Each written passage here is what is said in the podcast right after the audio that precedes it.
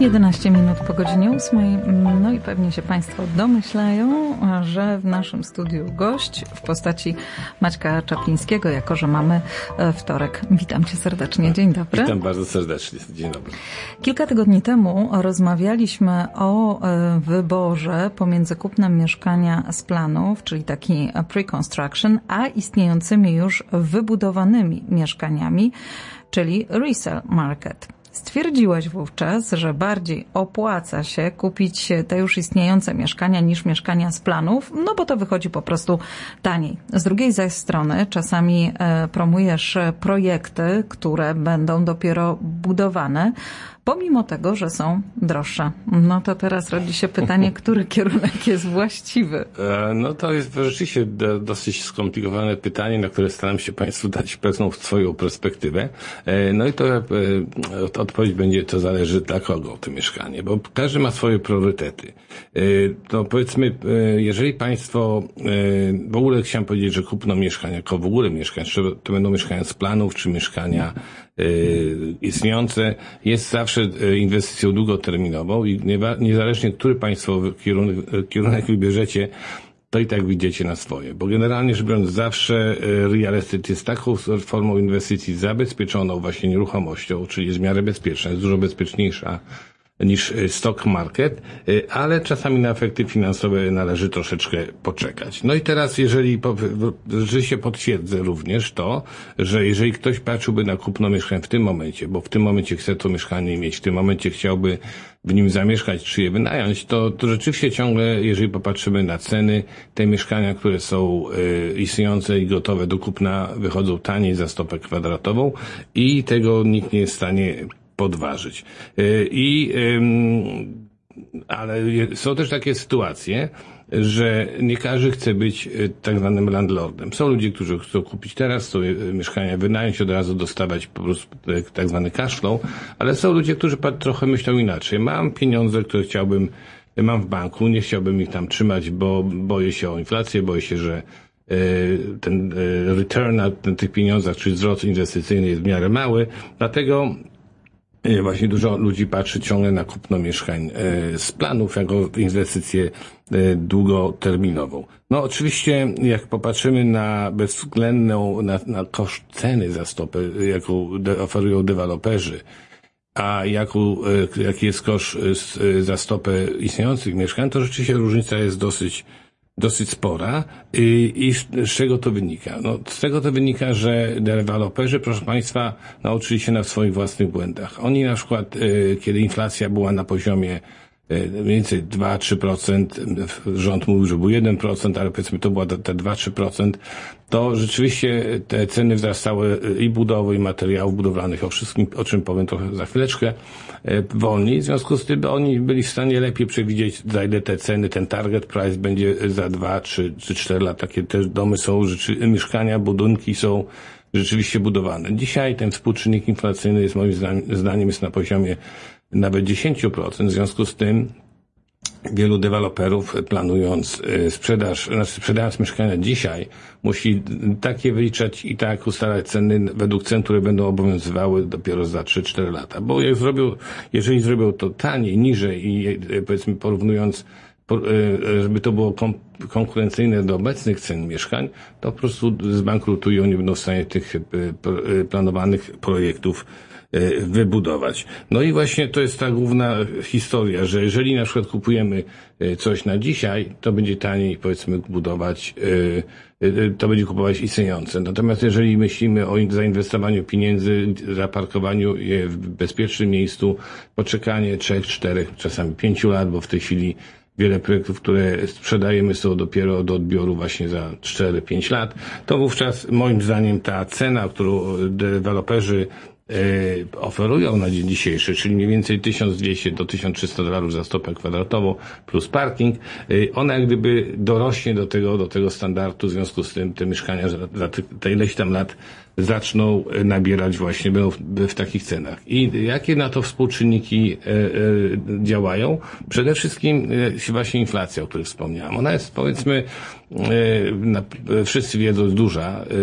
Oceniają ludzie na, 6, na 10%. Rząd ostatnio mówił, że jest trochę mniej, 6%, ale myślę, że przez następne dwa, trzy lata będziemy się liczyć na pewno z większą e, inflacją niż e, normalnie panowała w Kanadzie, niż to, ta, do której byliśmy przyzwyczajeni. Następna sprawa, no oczywiście z inflacją wiąże się też wszystkie rzeczy, jak e, koszt robocizny. Dzisiaj na budowie panowie zarabiają pewnie przynajmniej 50-60 dolarów na godzinę, ci, którzy są w juniach i trudno znaleźć kogoś, kogokolwiek taniej. Brakuje zresztą, jak wiemy, bardzo, bardzo wielu fachowców i po prostu rząd w tej chwili e, też zmienia politykę e, imigracyjną, żeby ściągnąć więcej ludzi do Kanady, bo brakuje ludzi do pracy. A z tym, z tym że się więcej ludzi pojawi, oczywiście wiąże się też brak, e, lepsze, większe zapotrzebowanie na miejsca do mieszkania. W związku z tym inflacja zwiększona wpłynie również na większy dement, to wpływa na, to wpłynie na ceny.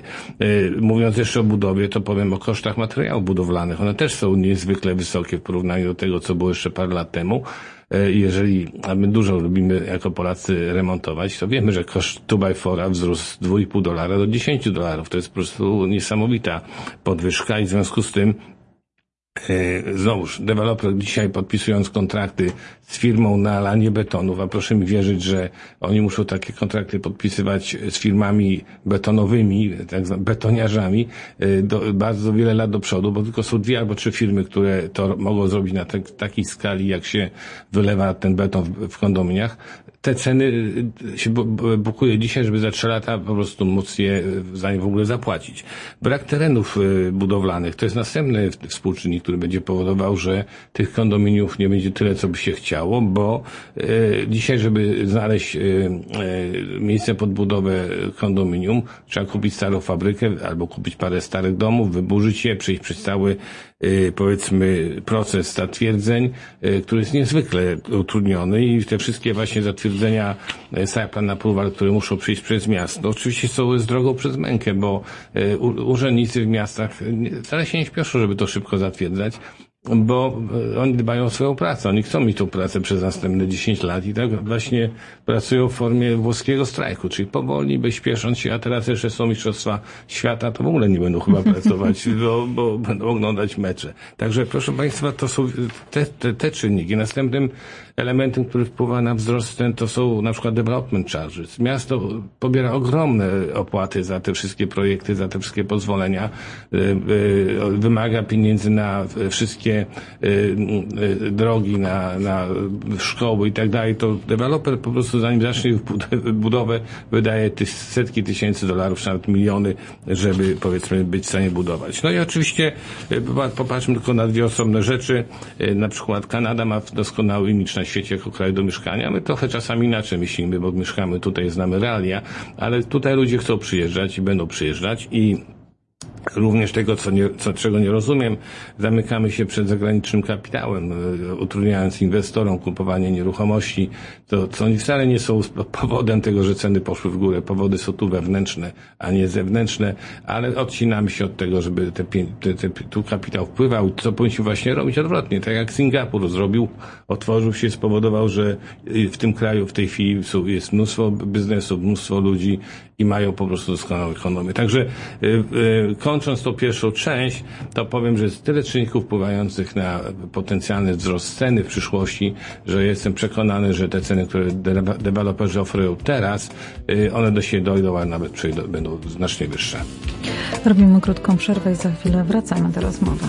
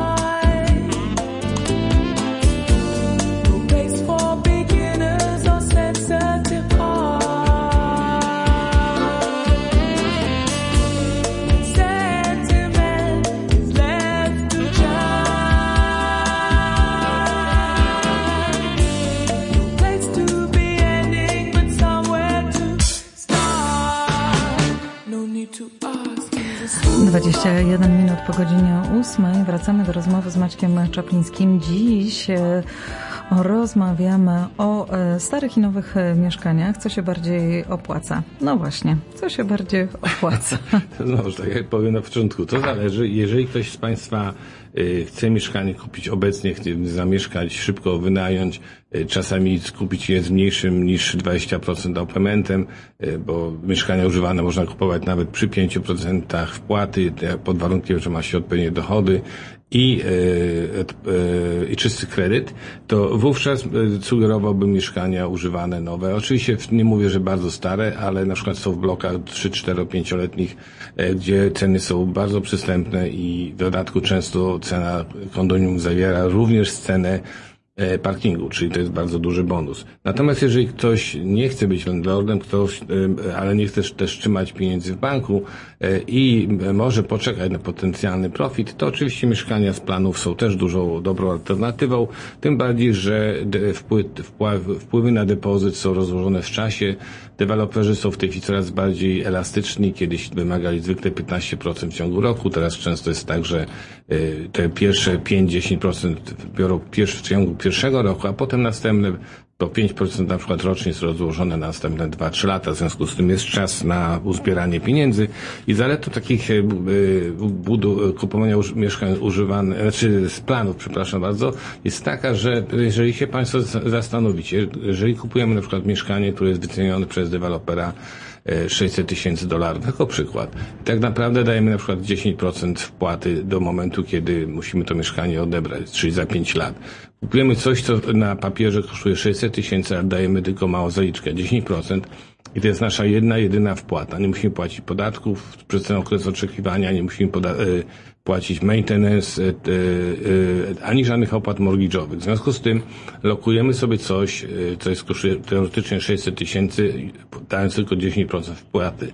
A w międzyczasie, jeżeli ta cena będzie rosła co roku o 2-3%, to co roku te, przybywa nam te 2-3%, ale od 600 tysięcy dolarów. W związku z tym, e, kiedy po pięciu latach odbieramy to mieszkanie, to może przybrać cenie, na cenie nawet 10, 15, 20 czasami procent od tego, co myśmy za to zapłacili. To się nazywa leverage.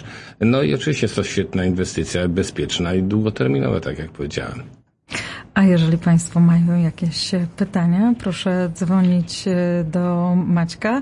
Telefon niezmienny 905 278 0007. A ja Państwa dziękuję za uwagę oczywiście i zapraszam do współpracy. Oczywiście nie tylko w sprawie kupna nowych lub używanych mieszkań, e, ale również jak Państwo planujecie w ogóle wystawienie domu na sprzedaż, chcecie się przygotować, żeby zrobić to teraz albo po nowym roku, zapraszam chętnie indywidualnie spotkam z każdym i udzielę e, ważnych rad, żebyście Państwo na tym naprawdę nie stracili, a, a uzyskali jak największe pieniążki. Dziękuję bardzo za uwagę i do usłyszenia za tydzień. Dziękujemy hmm. bardzo.